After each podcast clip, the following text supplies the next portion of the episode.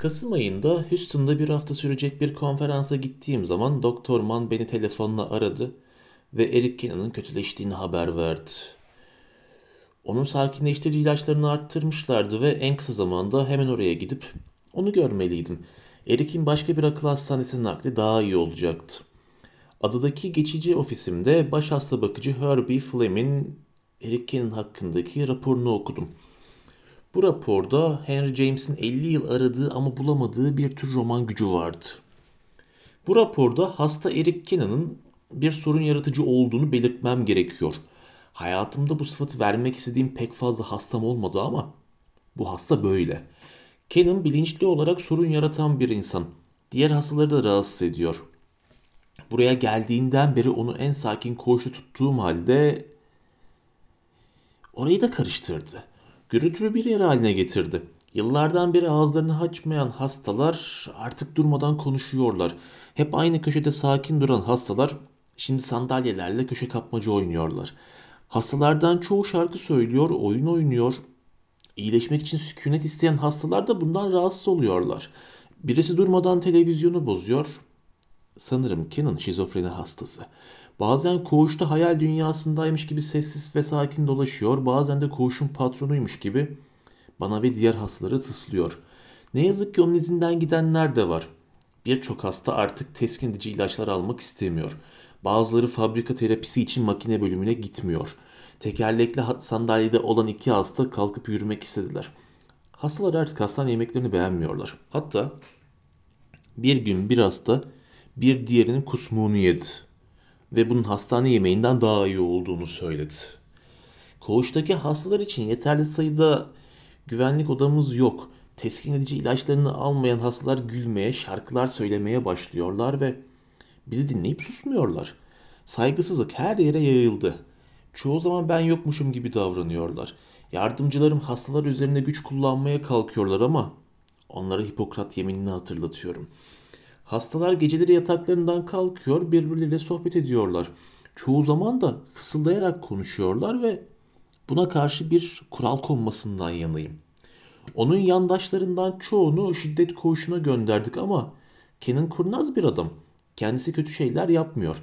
Sanırım koğuşta yasa dışı ilaçlar dağıtıyor ama onları hiç bulamadık. O hiçbir şey yapmaz görünüyor ama ortada bir sürü dolap dönüyor. Bunu rapor etmek zorundayım. Ciddi bir konu çünkü bu. 10 Eylül günü öğleden sonra saat 2.30'da büyük odada bozulmuş televizyonun önünde bir sürü hasta birbirlerine sarılarak bir halka oluşturdular ve sallanarak bir şeyler mırıldanmaya, inleyerek açılıp kapanmaya başladılar. Hepsi de erkek hastalardı. Yardımcılarımdan Simit onların halkasını kırmaya, onları birbirinden ayırmaya çalıştı ama başaramadı. Birbirlerini çok sıkı tutuyorlardı. Ben de onları yumuşak sözlerle ikna ederek birbirlerinden ayırmaya çalıştım. Ama iki tanesi halkadan ayrılıp beni de yakaladılar ve aralarını alarak sıkıca tuttular. Ne yapacağımı şaşırdım, çırpındım ama kurtulamadım. Hastalar beni uzun süre bırakmadılar ama sonunda T koğuşundan gelen dört hasta bakıcıyla simit halkayı mümkün olduğunca yumuşak bir şekilde kırarak beni kurtarmayı başardılar ama bunu yaparlarken ne yazık ki kazayla kolum kırıldı. Bu olay Ken'in geldikten sonra olanların tipik bir örneği. Ya o da dairenin içindeydi ama hepsi 8 kişi oldukları için Doktor Wenner hepsini birden şiddet koğuşuna gönderemeyeceklerini söyledi. Huggins de teknik olarak daha çok düşünme ihtiyacı doğuran kurallara karşı olmadığını belirtti. Kenan denen çocuk benimle hiç konuşmuyor ama ben duyuyorum. Hastalar arasında dostlarım var. Söylediklerine göre Kenan akıl hastanelerine karşıymış. Bunu bilmelisiniz. Ya söylediklerine göre her şeyin başı o çocukmuş. Sözde bütün hastaları mutlu etmeye çalışıyor, bize aldırmamalarını söylüyormuş onlara. Hastalara hastaneyi işgal etmelerini, buradan çıksa bile onlara geri döneceğini söylüyormuş. Bu yazdıklarım ışığında size şunları tavsiye ederim. 1. Hastaların teskin edici ilaçları yutar gibi yaparak sonradan çıkarmalarını ve bütün gün aktif ve gürültülü olmalarını önlemek için ilaçlar iğneyle verilmeli. 2. Bütün yasa dışı ilaçlar kesin olarak yasaklanmalı. 3. Şarkı söylemeyi, kahkahalarla gülmeyi, fısıldamayı ve hastaların birbirlerine sarılmalarını engelleyen kesin kurallar getirilmeli. 4.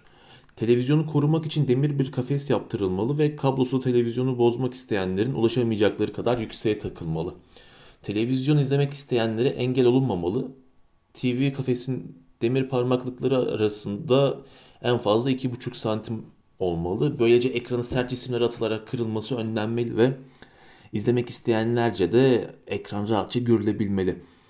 TV'nin her zaman çalınması, çalışması sağlanmalı. 5. En önemli konu bu. Hasta Eric Cannon başka bir hastaneye nakledilmeli.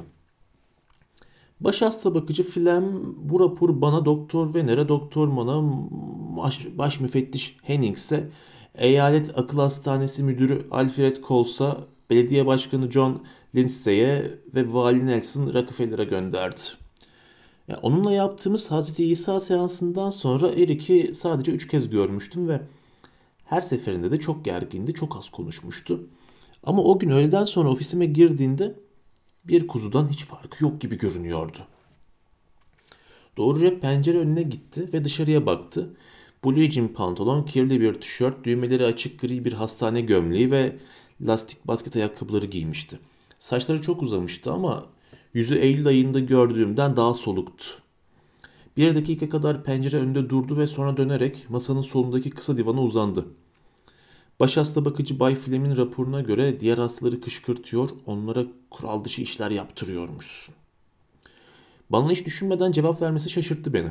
Yeşil tavana bakarak, evet berbat, korkunç bir adamım ben, diye konuştu. O hergilenin neler yaptığını anlamam için uzun zaman geçmesi gerekti. Lanet sistemlerini devam ettirmek için öyle davranmaları gerektiğini ancak anlayabildim. Bunu anladığım zaman da beni kandırdıklarını anladım ve öfkelendim.'' Benim uysallığım, nezaketim ve affedici olmam sayesinde sistemlerini herkes üzerinde daha rahat kullandılar. Sevgi iyi insanlar içinse mükemmeldir. Ama sen her şeyi sev. Orduyu, Nixon'ı, kiliseyi sev bakalım. Hey adamım bunun sonu yok ki. O konuşurken pipomu çıkardım ve tütün yerine Mariana'yı doldurdum. Erik susunca ona baktım ve Doktor Man'ın söylediğine göre Flem seni şikayete devam ederse şiddet koğuşuna gideceksin dedim.'' Bana bakmadan hey ne fark eder ki diye konuştu. Bu bir sistem, bir makine. Makineyi hiç durmadan çalıştırırsan iyi adamsın. Ama durdurursan komünist ya da deli olursun. Makine patlayabilir ya da Vietnam üzerine 10 tonluk bombalar atabilir. Ya da Latin Amerika'da hükümet reformları yapabilir. Ama eski makinenin çalışması devam etmelidir. Hey adamım ben bunu gördüğüm zaman bir hafta boyunca durmadan kustum. 6 ay boyunca odama kapandım.'' Erik sustu ve bir süre ikimiz de konuşmadan bahçedeki ağaçlar arasında uçuşup duran kuşların seslerini dinledik. Pipomu yaktım, derin bir nefes çektim ve dumanı onun üzerine doğru üfledim. Erik, bütün bu zaman zarfında bana önemli şeyler olacağını yavaşça anlamaya başladım diye devam etti. Ben özel bir görev için seçilmiştim ama çok hızlıydım ve sabırlı olmam beklemem gerekiyordu. Babamın suratına vurup Buraya tıkıldığım zaman da bir şeyler olacağını daha iyi anladım. Biliyordum bunu. Birden sustu ve pipo dumanını iki kez kokladı. İçine çekti. Ben pipodan derin bir nefes daha çektim. Şimdiye kadar bir şey oldu mu peki diye sordum. Benim pipodan bir nefes daha çekişimi seyretti ve sonra divana iyice uzandı. Elini saçlarının arasına soktu ve bir esrarlı sigara çıkardı. Kibritin var mı? Ya bunu içeceksen benimkini paylaşabilirsin. Uzanıp Pipo'yu aldı ama Pipo sönmüştü. Ona kibriti de uzattım. Pipo'yu yaktı ve ondan sonra 3 dakika kadar onu birbirimize uzatıp birlikte içtik. Kaplumbağa kabuğu gibi çatlakları sanki gelecekten haberler verecekmiş gibi dalgın gözlerle yeşil tavana bakıyordu. Pipo ikinci kez söndüğünde ben kafayı iyice bulmuştum. Sanki zar adam yaşantımda bile ilk kez yeni bir yolculuğa çıkıyordum. Yapay değil de gerçek bir değişim yaşıyordum. Gözlerim onun belki de uyuşturucu etkisiyle parlayan gözlerine dikilmişti. Benim anlayabileceğim barışçı bir ifadeyle gülümsedi. Ellerini göbeğinde kenetlemişti. Ölü gibi yatıyordu ama yüzü parlıyordu. Konuşmaya başladığında sesi kalın ve yumuşaktı. Sanki bulutların üstünden geliyordu. Yaklaşık üç hafta önce bütün hasta bakıcılar uyurken birden uyandım ve tuvalete gitmek istedim. Ama çişim yoktu. Gündüz odasına gittim ve pencereden Manhattan manzarasını seyrettim. Orası makinenin merkez dişli çarkıydı. Belki de kanalizasyon sistemiydi. Orada diz çöktüm ve dua ettim. Evet, ben dua ettim dostum.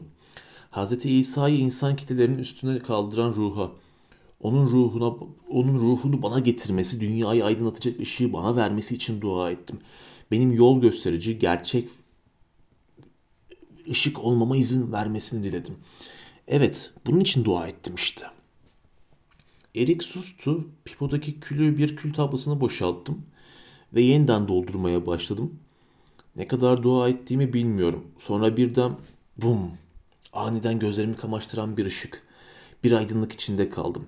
Bir şey göremedim. Bedenim şişti, kabardı, ruhum kabardı. Sanki bütün evreni dolduracakmış gibi genişledim, büyüdüm. Ben dünya olmuştum. Bir süre sustu, düşündü. Uzaklardan bir yerden hafif bir uçak sesi geldi kulaklarımıza. Üç günden beri bir şey içmemiş, çekmemiştim. Deli de değildim.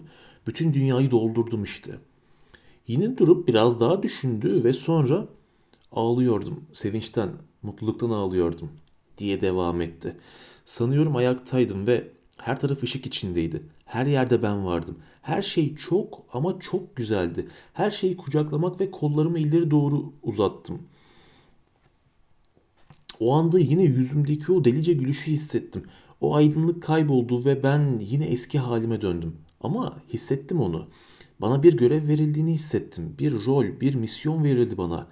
Evet dostum, bu yeşil bu gri yeşil cehennem evi böyle kalamaz.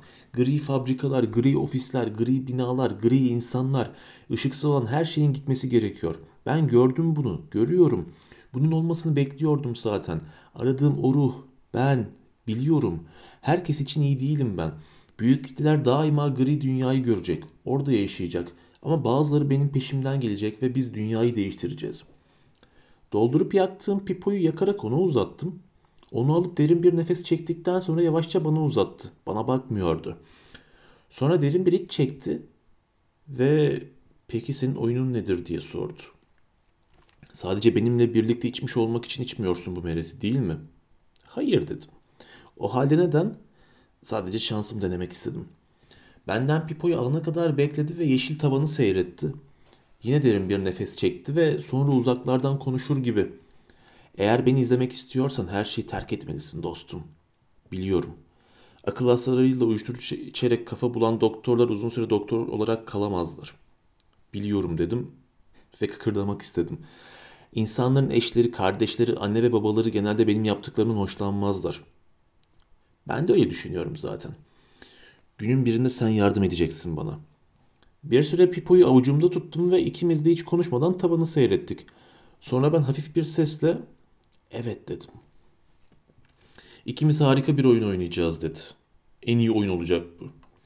Neden bilmiyorum ama seninle beraber olduğumu hissediyorum dedim. Senin istediklerini yapmak isteyeceğim gibi geliyor bana.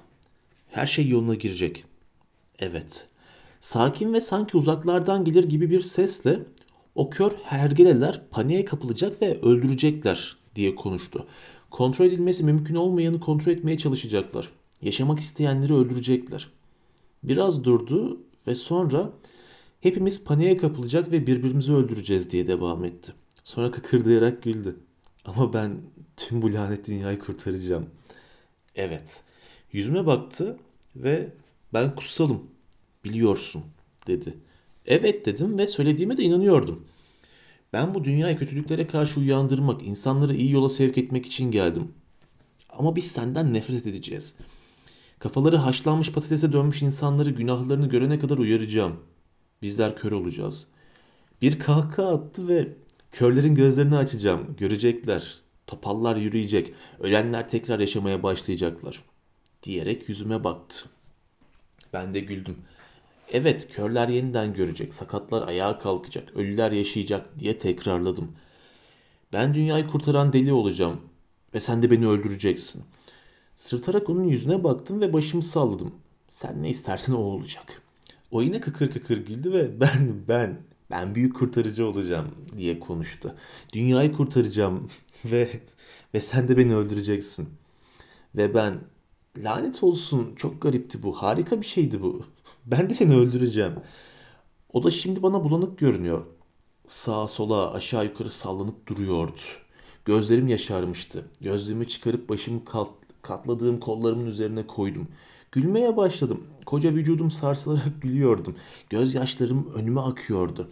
Sonra sarsılarak ağlamaya başladım. Ya şimdiye kadar hiç böyle ağlamamıştım. Başımı kaldırıp Erik'e baktım. Erik'in yüzünü bulanık gördüm ve gözlüğüme uzandım. Bir daha hiç göremeyeceğim korkusu kapladı benliğimi. Sonunda gözlüğümü bulup taktım ve Erik'in yüzüne baktım. Erik'in kutsal yüzü de gözyaşları içindeydi ama o da gülmüyordu.